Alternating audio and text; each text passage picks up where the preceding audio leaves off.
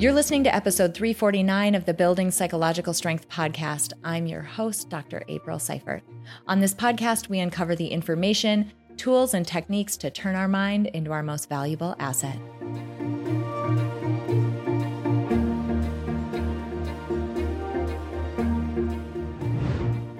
Hey everyone, welcome back to this episode of the Building Psych Strength podcast. I'm Dr. April and I'm super pumped that you're here. This is going to be an awesome episode. We are talking about a topic that we've never talked about before on this podcast. And that is like really shocking because we're a long ways in. Um, if you think back to definitely the experience you've had in the last couple of years, but more so your adulting experience, how fun has it been? How much emphasis do you place on finding time in your day and in your week to have fun? And did you know that when we look at research, psychological research, we find that sort of the um, the optimal place to fall in terms of how much time to spend on activities that are fun and that are deemed leisure each day. Any guesses? How much time? Two hours. Two hours per day. Are you getting 15 minutes? How much time are you getting? Be honest in your typical day. So 14 hours per week spent on fun leisure activities. Holy cow. So we're talking about the importance of fun and joy and leisure and delight in our life with a true expert. Today, we're talking to Dr. Mike Rucker. He's an organizational psychologist and a charter member of the International Positive Psychology Association, and he's been academic, academically published in the International Journal of Workplace Health Management and Nutrition Research. His ideas about fun and health have been featured in the Wall Street Journal, Forbes, Vox, Thrive Global, Mind Body Green, and a bunch more places. And he currently serves as a senior leader at Active Wellness. This is such an interesting conversation. There are so many cool topics that interweave into this conversation. We talk a ton about life design. We talk a ton about internal values and what drives you and lights you up as a person. We talk about just the practical brass tacks importance of fun and leisure and why this isn't something that we should sort of take for granted. Um, Mike does a really good job of almost positioning this idea of fun and leisure alongside the way that we thought about sleep in like the 80s or 90s. You know, we used to brag about how little sleep we got and didn't think it was a big deal. And now we know how detrimental it is to not get enough sleep. He really believes that this idea of incorporating more fun and more leisure and more levity into your life is kind of the next wave and next movement of that. And everything that we've seen during COVID, as we've all sort of, you know, maybe in, in small ways, some people in very real in your face ways have had to think about and examine our own, own mortality. We've also been forced to, in some ways, live with more flexibility, but also without social connection. We've really just had our lives flipped upside down and we've had to examine the things that really lit us up before and the things that didn't. And this is just such a pivotal time. It's a pivot point in our society for starting to focus more on these topics. So, when Mike reached out and he said he has this incredible book that is coming up here in in the next few months, it's called The Fun Habit. I knew that I needed to have him on, especially because we've never covered this topic before. I don't know how we haven't. So, I'm really excited for you to hear from Dr. Mike Rucker, to learn about his book. You're going to learn about his model called Play. And also, he gives some incredibly practical, like, do it now tips for how you can get started if you're the type of person who's like, this feels like it, I should feel guilty for this, or it doesn't feel like it's a priority, or I feel like I'm way too busy. He's pointing right at you. He's got some t- a ton of just great tips for that. So I'm really excited for you all to hear from Dr. Mike Rucker.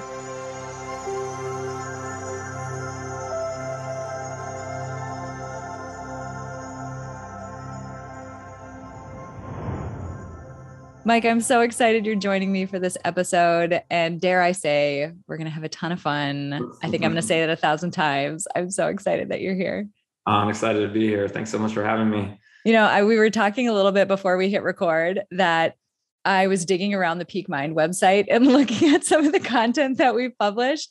And there is not a single blog post out of the hundreds that we've published or a single podcast out of the hundreds that we have released that is tagged with the word fun. So you are mm-hmm. officially number one. Oh, God, and we're so awesome. So we're here today to talk about a book that you have coming up and some of the work and research and thinking that went into it. So tell us about the fun habit and what got you into this work?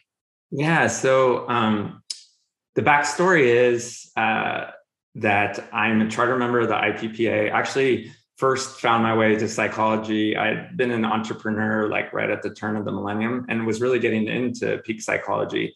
So um, I was lucky enough to get an early mentor um, by the name of Michael Gervais. Uh, you may or may not sound familiar. Mm-hmm. Um, and uh, like was attracted to the work of Charles Garfield and was, was really like digging deep into that. And so um, right at that same time is when uh, Seligman kind of made Csikszentmihalyi's flow um, popular. The first IPPA conference um, in Philadelphia, you know, happened, and I was invited to be a charter member, and so was just drinking from positive psych on out, you know, kind of 2005 um, for a whole decade and it was working really well. Um, and at the same time, I'd really, uh, or not really the same time, but later on, when uh, my wife and I had moved to San Francisco around 2010, had really gotten to the quantified self movement too.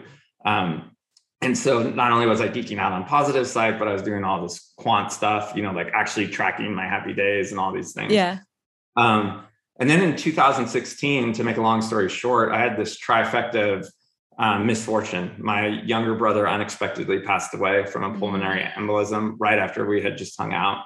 Um, and then uh, I had been a, an avid endurance athlete. I was never really that competitive, but I had done a couple Ironman, and um, running was definitely the way that uh, you know um, was really therapeutic for me. It was the way mm-hmm. you know mm-hmm. that I mitigated stress and things of that nature, and found out that um, uh, due to probably an injury that had gone unnoticed. I had advanced arthritis, arthritis and had to get a hip replacement, and I could never run again because of how young I was. And um, and then at the same time, my wife got an amazing job opportunity, and she had just had my back through my doctoral work, right? And so, not that that matters, we have had each other's back throughout, right? But I I owed her a lot because she really carried yeah. the weight while I was doing this. Um, and so, you know, it was the right right thing to do. So we moved. Um, so that wasn't necessarily bad, but was still pretty disruptive. And so I found that all of these things that had kind of worked for me before weren't working. Um, you know, trying to find gratitude in a place that you know were just wasn't really existing in the space that I was. Yeah. Um, and uh, and then also like really questioning like why can't i turn this around? Like i'm a happy person you know i'm an optimist and i have all of these traits that are inherent in my identity. Um, and so why can't i just kind of will myself out of this? And you know being a good kind of postdoc at the you know like there's got to be some research right right yeah. so i started going into pubmed and also you know at that point i just finished my dissertation so i was still you know i had the writing habit going where like you know you're done with your dissertation i just defended and um, you know so i still wanted to sort of you know engage in that activity because it was fun for me.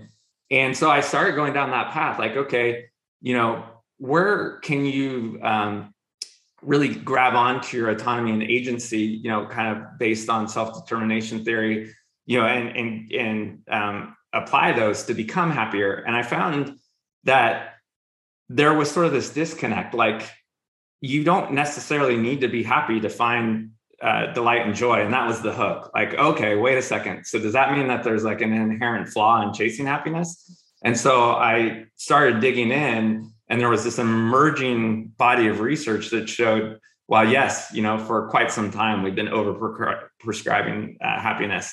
And so the book really dwells into not just like you know a textbook of here's all that i found and it may or may not work for you but also my personal journey of um, sort of relinquishing this pursuit of happiness and instead um, organizing my life around uh, joy and delight and like you know um, using my agency and autonomy to find that myself.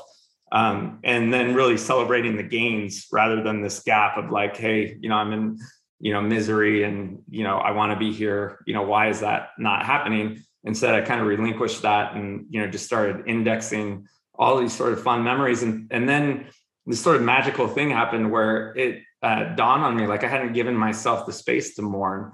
You know, mm. like mourning was an appropriate response to my brother dying. Like I didn't have to be happy all the time.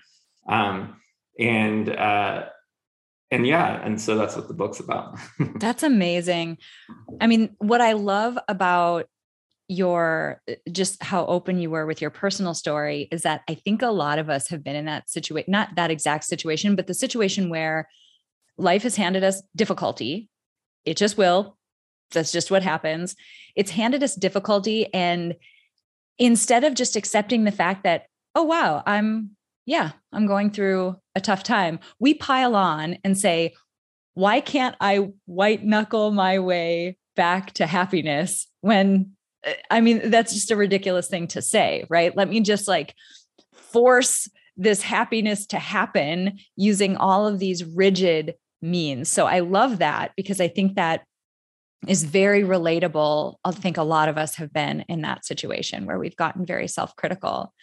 Um, and I also love that you you really went back to where the research is but then dug into it not just at face value like it just accepting everything for what it is because the research field of you know that side of psychology it's incredible and it is powerful, but it is constantly changing. Like we're constantly realizing, like, oh, shoot, we didn't get that quite right. That's the whole point. And so I love that you dug in there and you are taking it even further with the work that you're doing. It's so great. I think one of the things that was so eye opening for me was that because I was such a zealot of the positive psychology space, yeah totally threw to the wayside that almost any intervention that we learn about you know from in a clinical setting still has a six sigma normal curve right? And yeah. so you any of this research and just like medicine um, it's only going to apply to a, you know a certain segment of the population. Right. And so so often you know especially with the way ideas get disseminated now um, using social media people go, oh, okay, so this is going to work, right? Because this person that, you know, obviously is influential in my life, or I believe them because, you know, my identity aligns with, with their vibe. Um, you know, I'm going to use this. And then when the tool fails them, which is quite normal, right? Because it might only, you know, it still might work for a majority of the folks, but wherever you're in life, it yeah. might not work for you. Then all of a sudden, like everything doesn't work, right? Because you're like, this failed me. And so there must be something wrong when nothing was wrong, just like some medicine that just wasn't the right thing. And so, like, the reason I like to talk about agency and autonomy a lot of times is, you know, being a little bit more, you know, having a growth mindset and being a little bit more experimental. You can be like, I'm going to try these three and five things and forgive myself if the first two don't work because, yes. like, you know, and then if five fail you, then maybe you can be more diagnostic, right? Like, why? You know, why did five things fail me? That's a little bit more interesting than one thing failing me, right? I love that. You know, we talked a little too before we hit the record button about um, the Stanford Life Design Lab, and we talk about their work a lot on this podcast, just from the standpoint of it's a neat framework for thinking about how you put yourself in that role of agency and how you think about, okay, here I am in this position that I'm in. Um, I'm not necessarily to fault or at or at fault or to blame for what got me here. Lots of circumstances happen, other people act on our lives, whatever. But here I am, and I can take some responsibility for how I'm going to move forward and what I can do to cultivate my next set of experiences. And I love that process because experimentation is huge in it. And this idea that because we're experimenting, there's naturally a chance that it's not going to quote unquote work.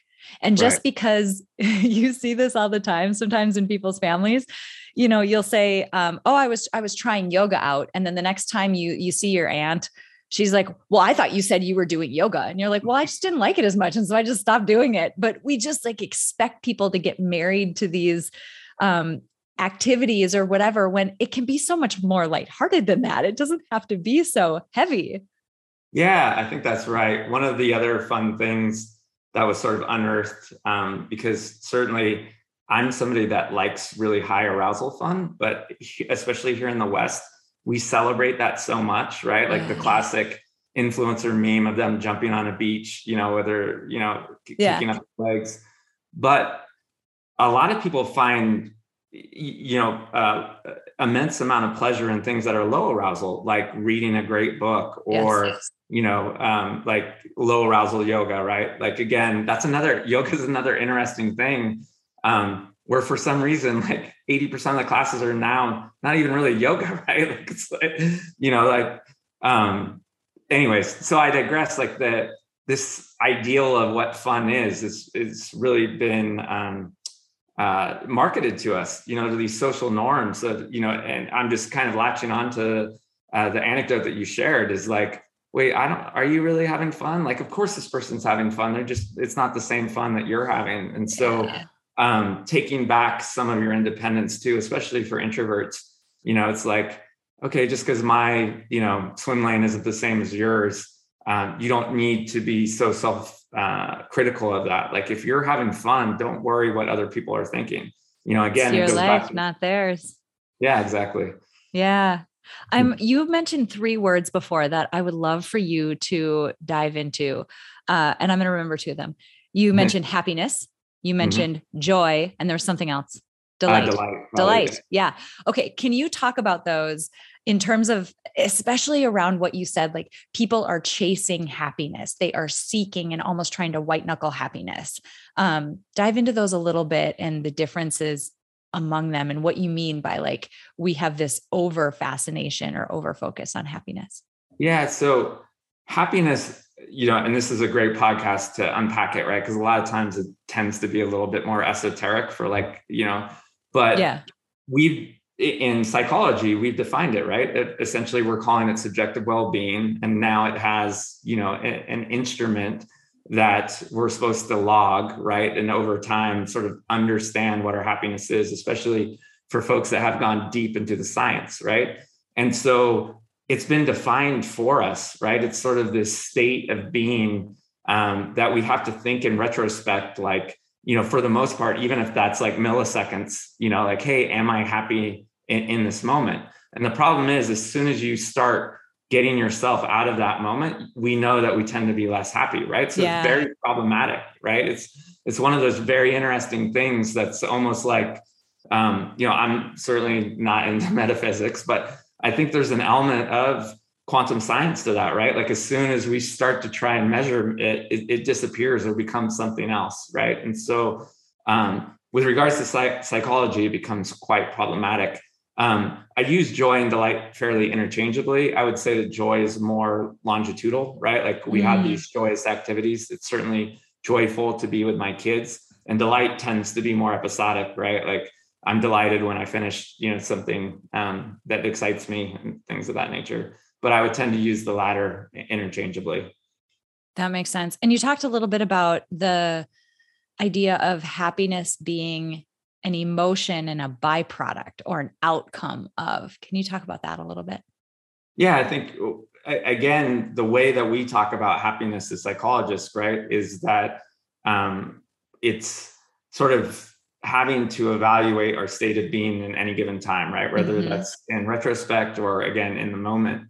And so, am I happy? That, you know, that type of introspection, we know it, it becomes problematic because it ultimately leads to questions of the identity, right? Like you could be a very happy person. As soon as someone poses that question to you, it requires you to start questioning certain aspects of, of how things are going for you another reason it's quite problematic is um, there's some human flaws, right? One, um, we're really good at adapting, right? So if we're not mindful of the way uh, that we're going through our life, um, you know, we call it the hedonic treadmill, right? In in psychology, yeah. uh, like if we're not aware of what really lights us up, you know, if we're really just allowing our neurochemicals to guide us, uh, dopamine can trick us because a lot of what we think or, or, we perceive as happiness is really the excitement of that anticipation. We know that through um, you know various neuroscience studies, right? I mean that's been empirically validated. And then we're also really good at comparison, right? So we know that happiness really has a lot to do with happenstance if we're not mindful of how we're seeking it out. So, um, you know, uh, lower socio class folks in different countries can be just as happy as someone, you know, in a higher economic status here in the West because of the way that we sort of perceive happiness, because so much of it is sort of based on comparison. Where fun is an action oriented approach that you can take almost any time, right? And so often I'll use the um, uh, you know the sort of case study of looking at uh, children in a playground or dogs in a dog park, right? It doesn't really matter where they came from or how much money they have. Like that ability to have fun. And another mm-hmm. thing, um, another great example is sports, right? A lot of times um, you can organize folks that are have um, a uh, capacitive mastery in a certain activity and group them together and they'll have just as much fun but it doesn't matter because it's in the moment right? It doesn't matter where they came from. In fact quite the contrary we're seeing now um, that a lot of times the components of um, social norms can get in the way of fun mm. right? Like through racism and, and, and stuff of that nature. Um, so that's the main crux is that one you know is in, requires introspection and the other one's very much action oriented that's really interesting.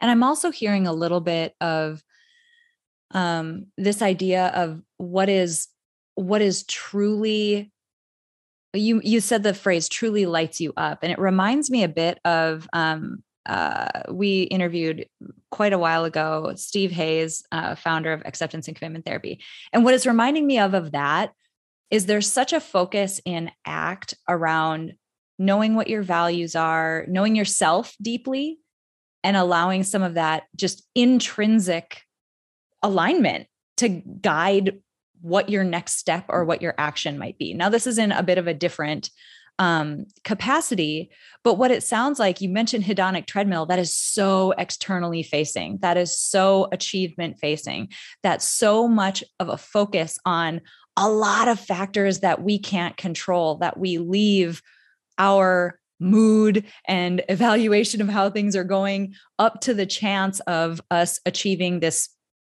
goal which quickly becomes not enough and we're on to the next right. and it sounds so much more like you're talking about something that is truly intrinsically aligned like paying more attention to what um what feels much more central to us. I'm struggling with the words, and maybe you have a better way of describing it. No, I think there's uh, there's a couple of ways to sort of approach that narrative, and I would steer away. I mean, we can come back to it, but initially, I'm going to steer away from sort of the idea of being intrinsically or extrinsically motivated by yeah, you know, sure, yeah.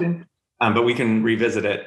But to simplify it, I often talk about sort of we versus me, right? And so it's right in line with what you're talking about is that when we seem to have the type of fun that really does light us up, to use my own words again, um, it's it connects us to something. So um, we know, right, like that loneliness now, you know, again, based on uh, empirical evidence, um, you know, it, it, if you believe the studies, is worse um, than smoking and, and sitting, right? And so um, using front fun as a fuel or a glue, however you want, you know, whatever metaphor works better for you, um, to uh, solidify friendships and to really engage in activity that uh, fosters friendship. You know, that's that's a cooperation you're having with somebody else, right? And then for introverted people, it might be spirituality or it might be connection to nature.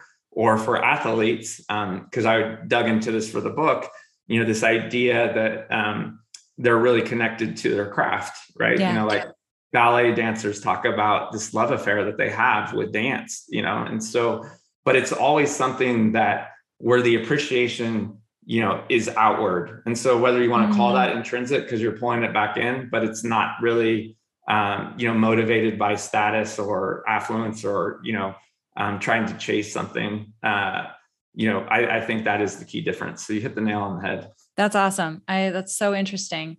Um, I would love for you to talk a little bit about um, use something called the play model.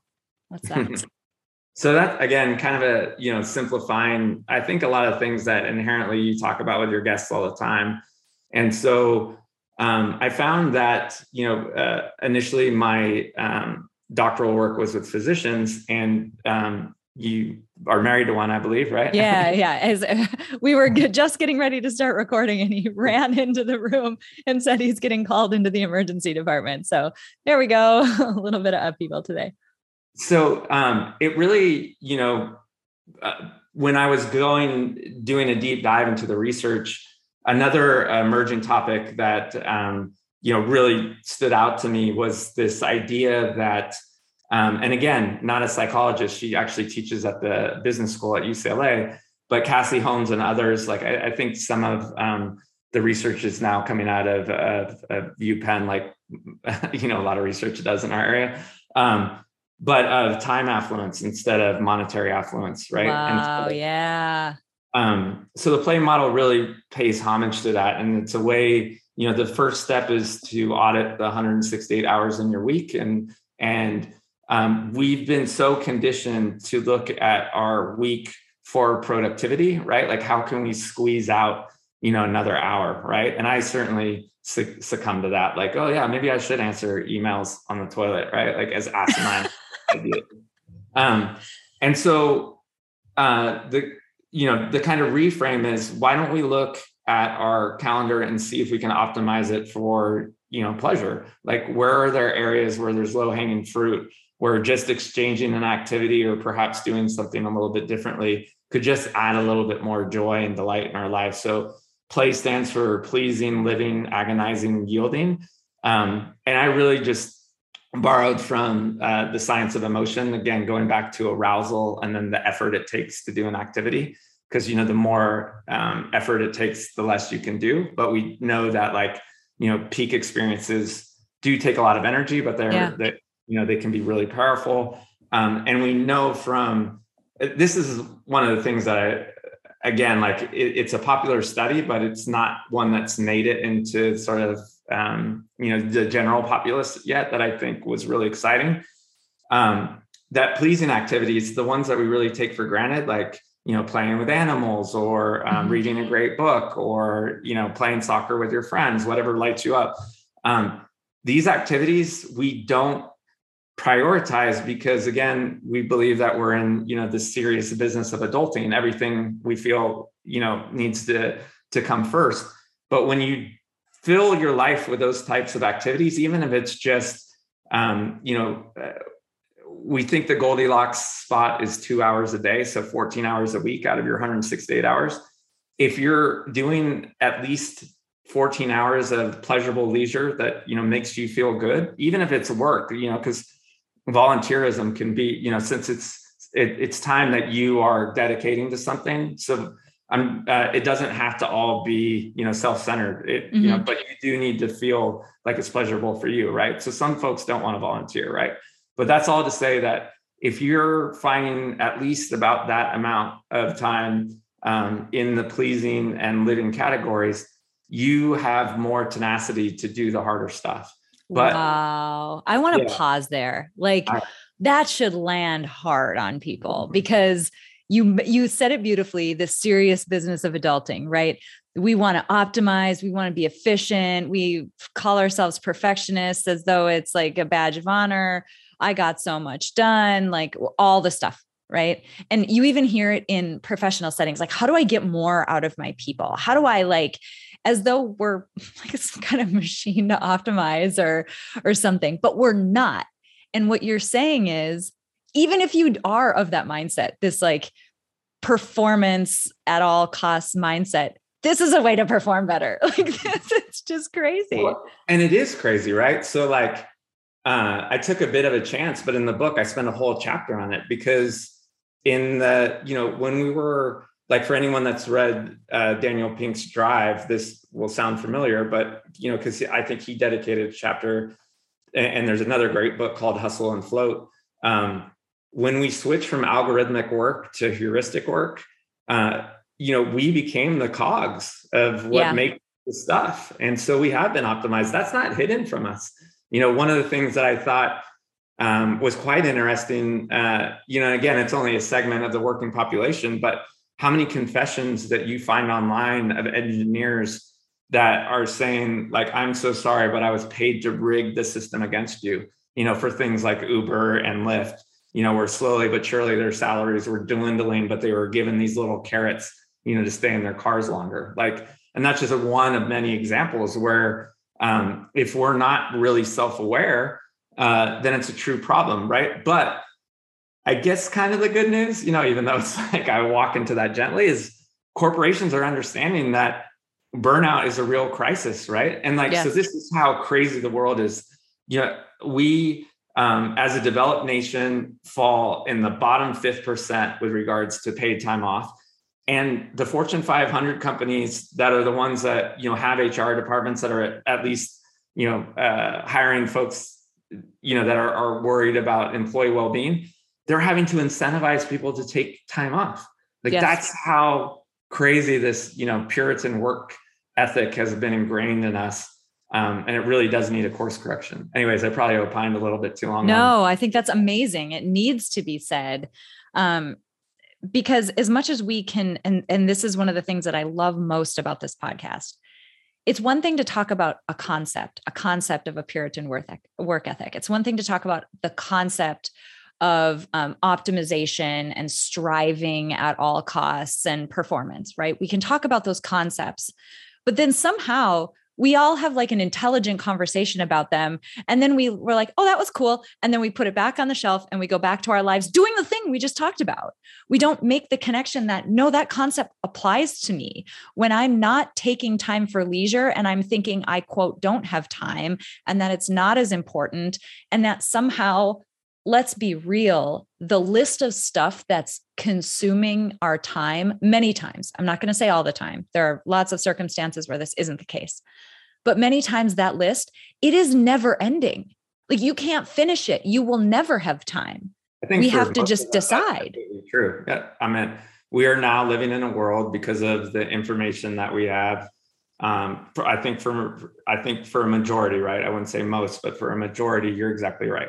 I mean, study after study suggests that most people's to-do list there will be um, amount that can't get done, and that does that's a separate probably you know you could totally. probably get a better expert for that, but you're spot on, right? So if that is true, then um, which it is, by the way, it does mean that we have to figure out like what is that mix that we want. Yeah. Um, and so where I think where I'm hopeful this will get the same attention um, is we had this same awakening with sleep, right? I mean, it was in the yeah. 80s where we we you know I mean hustle porn is still a thing, right? I don't know if you're familiar with yeah. that term, but yeah, and um, but I mean it was a badge of honor to not get sleep um, as late as like the early 90s, and then finally you would just never hear anybody say that now because we're smart enough to know that um, you know, once you start getting less than seven hours of sleep, really bad things happen. Um, and I think you're going to, I'm hoping that leisure is sort of the next. Again, I think there's some signs that indicate that people are wising up to that. You know, when you have folks whose job it is to make sure that people take some time off, I mean, and that's only, it doesn't even solve the problem, but at least it's saying that we recognize it. Yeah. I mean, it's not, you know, we're on, we're on the right path moving forward, but we have a long way to go for sure. And then to your point, like to become self-aware of it too, because we are the ones that aren't taking the vacation, right? Like yep. they're we're literally getting incentivized. Um, and a lot of folks still aren't, which suggests that it's, still a problem of the individual and of social norms that create so much friction that for some reason we think, you know, that that's one of the you know the reasons are abound right like eh, eh, you know different people have different excuses um but it it, it still is a real problem. Um, so, yeah, no, I totally agree. I'm curious about going back to this idea of, you know, what is it that lights us up? What is it that individually we find joyful, we find delight in? How do people do that for themselves? How do they look at their own life and make those decisions, maybe run some of those experiments that we talked about before and be okay with just dumping the yoga if you don't like it. But like, how do people do that and practically put this to use? Yeah, I mean, you've already you're spot on. And what you, I mean, it really is about experimenting, right? So there's a whole host of different exercises um, that you can do. you know, kind of looking back in your life and is there anything that's missing? Um, as long as you, uh, you know, create a safe psychological space for, you know, not enduring FOMO, like looking at what your friends do. Because, um, you know, we do tend to, to, um, you know, our friends are a reflection of ourselves, right? So that, that is a good opportunity it's, as long as it's not causing psychological stress. Um, and then just getting out, right? So, you know, are you connecting with your friends enough, right? With the right friends. Um, you know, you can use uh, websites like meetup.com, like just peruse it and be like, you know, have been interested in, you know, film noir, like, and, you know, like taking some risks like that, mm-hmm. or examining, um, you know, your 168 hours, like we talked about before. And are there things that I'm doing that just aren't fun that I'm doing out of a sense of duty or it's habitual behavior you know, like a, a, show that you're like, wow, I'm just watching that because that's what I've done. Yeah. You know, for, and like either like replacing it with something that does light you up or something that I call activity bundling. Like, could you invite a friend over? Um, you know, a group of us did that with Lost, which made that, you know, instead of just kind of mindlessly watching that show, made it a lot more pleasurable because it was like a night that we all got together. And, you know, I tend to be a philosophical geek as well. And so, you know, that show is interesting to talk about in the context of the, you know, philosophical ideas that they brought into it. But anyways, that's just an example of, you know, here, you know, sort of a mindless activity that we know, again, from empirical research can kind of cause depression if you do it, you know, in a, a not mindful way. Um, and then just flipping it, you know, into something that's a lot more enjoyable. So that's sort of the low hanging thing. Um, to like you know, what is a big sort of thing I can do? You know, I love uh, Milkman's stuff. You know, like, are there any sort of temporal landmarks where I can do something completely out of my comfort zone? So it runs the gambit, you know, and like, I would suggest that first, sort of taking baby steps, like, you know, like looking at opp- opportunities that are right in front of you. Um, and then kind of moving on to the bigger stuff of, you know, signing up for that marathon that you've always wanted to do in Antarctica. you heard it here, everybody. He wants you to run out and get a whole bunch of new tattoos and jump out of planes. You just you heard it. There's a really cool thing that uh, my partner in Peak Mind, she's a clinical psychologist, uh, Dr. Ashley Smith. She has been doing for it's over two years now, I, longer than that. COVID just sort of messes yeah, with my sense it. of time, but let's call it three ish years now. Um, every single week, every single week, she has a new experience the most random things. I mean, literally, I mean, and it can be anything from she learned about this um, form of martial arts that combines martial arts and dance. And so she went to a class to she was sitting in her house one day and came across Wim Hof and was like, I wonder if I could hold my breath for three minutes. Like these just random just things, but it's the novelty and the variability of it. Some of them get built into her repertoire. And she, I, I can't remember what it's called. I'm not going to pronounce it right. It's like capoeira or something, this like dance martial art thing. Um, she does it often now because she loved it. She does That's not hold her breath regularly anymore. That's amazing. Yeah. Um, yeah, I talk about, I can't take credit for this one. Um, but I do talk about in the book someone that does something equally as amazing that uh, she uh, created a Google Drive sheet, and um, on one column she has everything that all of her friends want to learn. So similar to your colleague, and then said if anyone knows how to teach this, put your name on the other side, and we'll create courses around it. And so I think like they've gotten through like 25% of the and so it's this amazing sort of network effect taking your colleague's idea and, and you know making it so that there's also this sense of connection to others too and allowing folks that you know have mastery in something to share it with others. So i, I really love that idea. Yeah. That's so good. That's like the the nerd in me just got this swell of emotion. I have a my former boss from my corporate days he was my was he my last he was my second to last boss ever in my life i think. And um he when he retired, he has my dream retirement. He figured out that you can go to, if it's a publicly funded university, you can enroll as just like a citizen of that state. Um, and if you don't actually take any classes for real, you don't pay anything, but you get a oh, student oh, ID card. he yeah. audits the craziest classes. So he just mm-hmm. gets a big Starbucks and he goes and sits in these classes and listens. How awesome is that? It's amazing. Yeah. That's totally going to be me someday.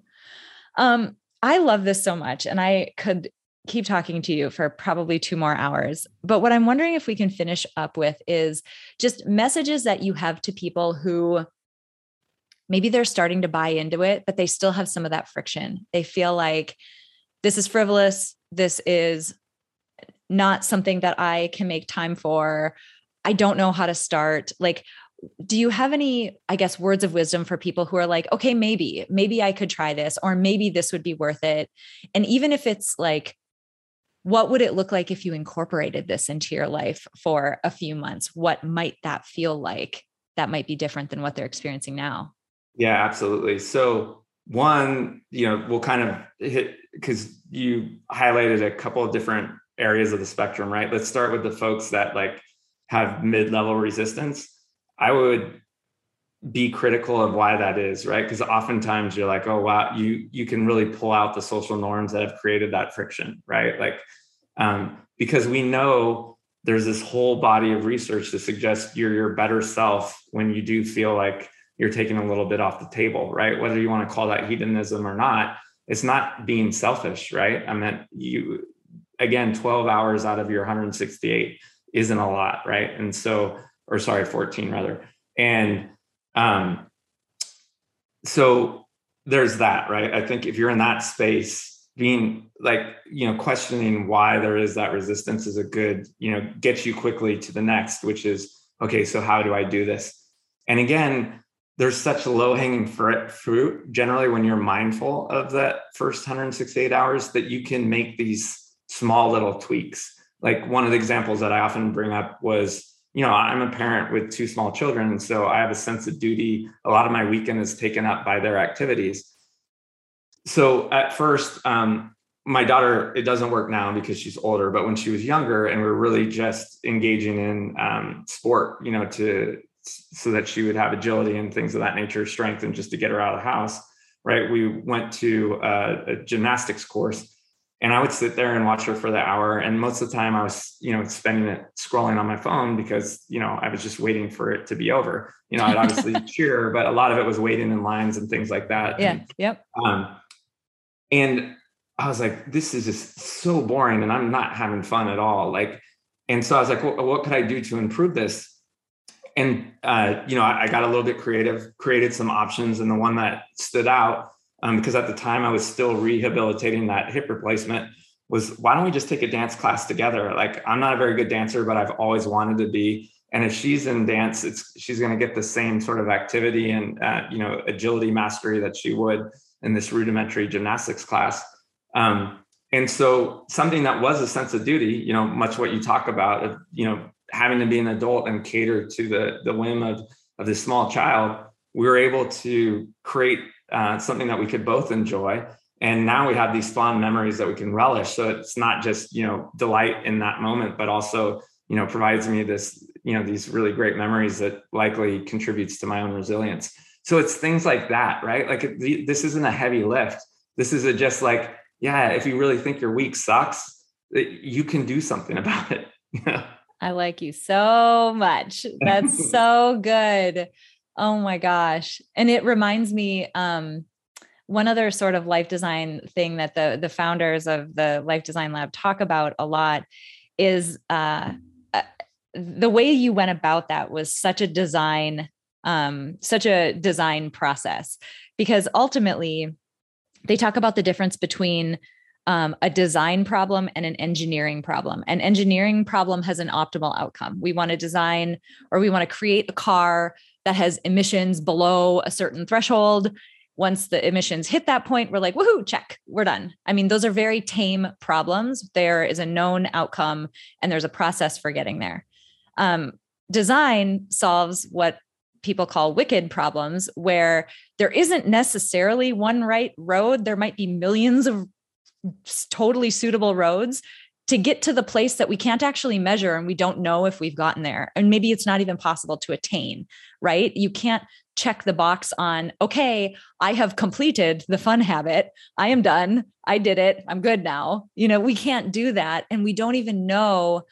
We just know that we're sort of moving in the right direction. And so it's a neat, it goes back to what you said so much earlier in our conversation about the importance of experimentation and just tinkering and being okay with you know, picking things up and putting them down and not being very good at it, but just like kind of going on does this feel fun and does this feel like it's contributing? And it's not that sense of levity is not the way that we typically approach life and that's such a shame. Yeah for sure. And i think i mean it's it's a cliche at this point right? But it's a cliche because it applies like if in the process you're not finding fun either then um then then change up your approach right? So you know i think we talked about again before we hit uh, record this idea that a lot of aspects of human nature we thought were more static and we're learning more and more that almost all of them are malleable. Yeah. So i know some people feel you know uh, carol dweck's you know growth and fixed mindset have these inherent qualities but i think we're learning they're more malleable than we once mm-hmm. thought but depending on which way you skew if you have a growth mindset then be really playful about it right like try and do some things that you think you might not like if the act of engaging in experimentation is playful for you.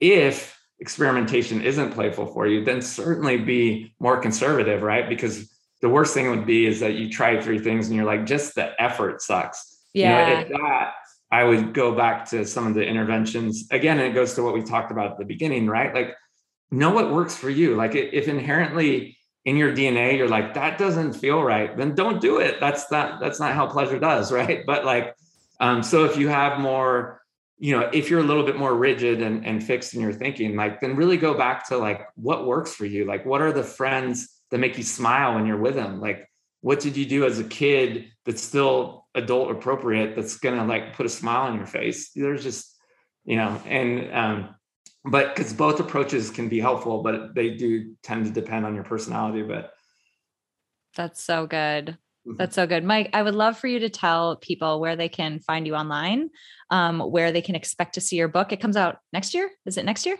Yeah, so it, it's available for pre-order now. Oh, um, right on. Supposed to come out in June, and then I got uh, I was one of the many first-time authors that got caught up in the um, uh, supply chain issues. So most mass-produced books are made in APAC, and uh, with the zero tolerance COVID policy in China, like I guess they're just not making a lot of books right now. So got it. it got pushed to January, unfortunately. But you can it, it's available for purchase or for pre-order right now on on any bookstore that um, you know. So I don't want to plug one or the other, but Amazon, Barnes and Noble, whichever one uh, yeah. you buy your books at. Um, and then uh, you can find my work at michaelrucker.com.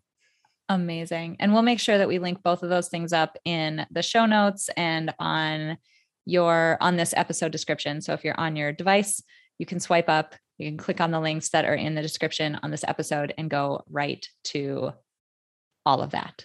Uh, thank you so much for allowing me to give a nod to that. Yeah, yeah. This was so good. As I mentioned, we had nothing fun on our website, nothing tagged as fun. So I'm excited that we're adding something and actually having a very appropriate reason to put that tag on it. And this was just such a, it was such a great mix of um, life design and nerdy science stuff, and just a culmination and a combination of some really cool aspects of both the field of psychology and adjacent fields that um, it was just really a fun conversation. And I appreciate you so much, Mike, for being here. Thank you so much for having me. It's been a pleasure. All right, friends. So hang out with me for a couple more minutes. I've got a few things that I want to make you aware of. Apparently, none of the blog posts on our website. Oh my gosh. Uh, but I'll be right back in a second with a couple of additional resources for you.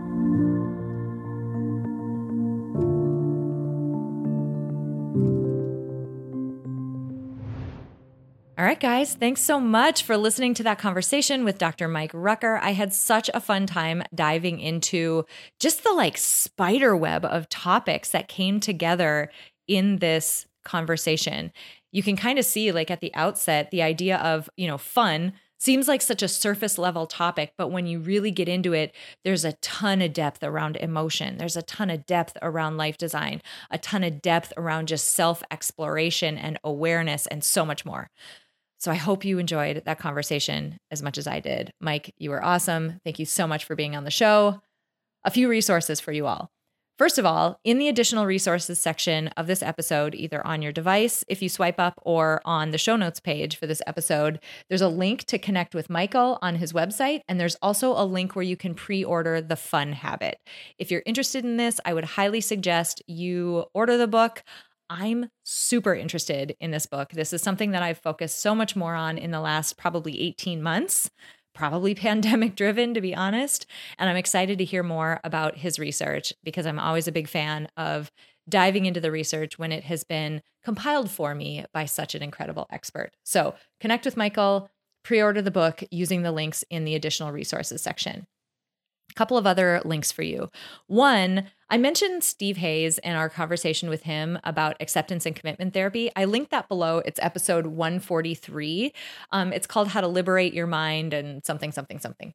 Um, but what's really cool about that episode is he also talks about this notion of getting to know yourself at a deep level and allowing that to drive your behavior and allowing that to be information to you that helps you make decisions about how you might move forward. So I wanted to link it up because we talked about it during this episode and during my conversation with Mike. Um, but it's such a powerful episode all on its own. So I'd highly suggest you checking that out, episode 143 with Dr. Steve Hayes. The second link that I wanted to provide is a link to the book The Happiness Trap by Russ Harris. Russ Harris is also sort of an acceptance and commitment therapy guy. Um, he kind of simplified it a bit, but in The Happiness Trap, he makes a similar claim or point that uh, Mike made during this conversation about our society's overemphasis and over striving for happiness. And the point he makes in that book that is just so beautifully done is that the fact that we strive so much to be happy, it sets this expectation that if we aren't happy, something's wrong. And even in times, you heard Mike say it, right? Like his younger sibling passed away and he didn't allow himself to truly grieve because he felt like he was supposed to be striving for happiness and find gratitude in everything. It's just not the case. Like that's just not it's not a human experience. We have a, a, range of emotions and we feel them in, in different waves and they're um, brought on by a lot of different factors. But the point is, we're much more complex than simply one emotion that we should be feeling all the time. And when we put such an emphasis on that, it tends to not lead us in the right direction because we tend to get critical or we tend to search for answers that aren't actually there. So I wanted to link up the happiness trap. There's some really practical stuff in that book as well. So if you're interested in learning more in that regard and how you can almost cultivate true joy, if that's a real thing, I'm not sure. Um, that book is a really great one, in addition to Michael's book, The Fun Habit. Thank you guys so much for being with me this week. I loved this episode because it truly is something that I've been focusing on in my own life for the past 18 months. As I uh, hit the stop button and was kind of chatting with um, Mike after we had talked, one of the things I said was my mantra in the last year or so has been you know what, April? You're allowed to be one human being, and you're allowed to do one human being's worth of stuff today. That's it, just one, not three people's worth of stuff, just one. And you're also allowed to give yourself the things that human beings need. You're allowed to feed yourself. You can just eat. You can drink water. You can sleep. You can rest. You can do fun things. You can just zone out once in a while because human beings need all those things. And you're human and you're allowed to have those. You're allowed to have all of them. And it was something, unfortunately, that I needed to be reminded of. So if you need to be reminded of that, let that be your, remind- your reminder. All right, thanks you guys so much for being here. And finally, let's remember that time is the most non renewable resource on the planet. And I'm grateful to each and every one of you who chose to spend some of your precious time with me today. I'm Dr. April Seifert, and I will see you next week.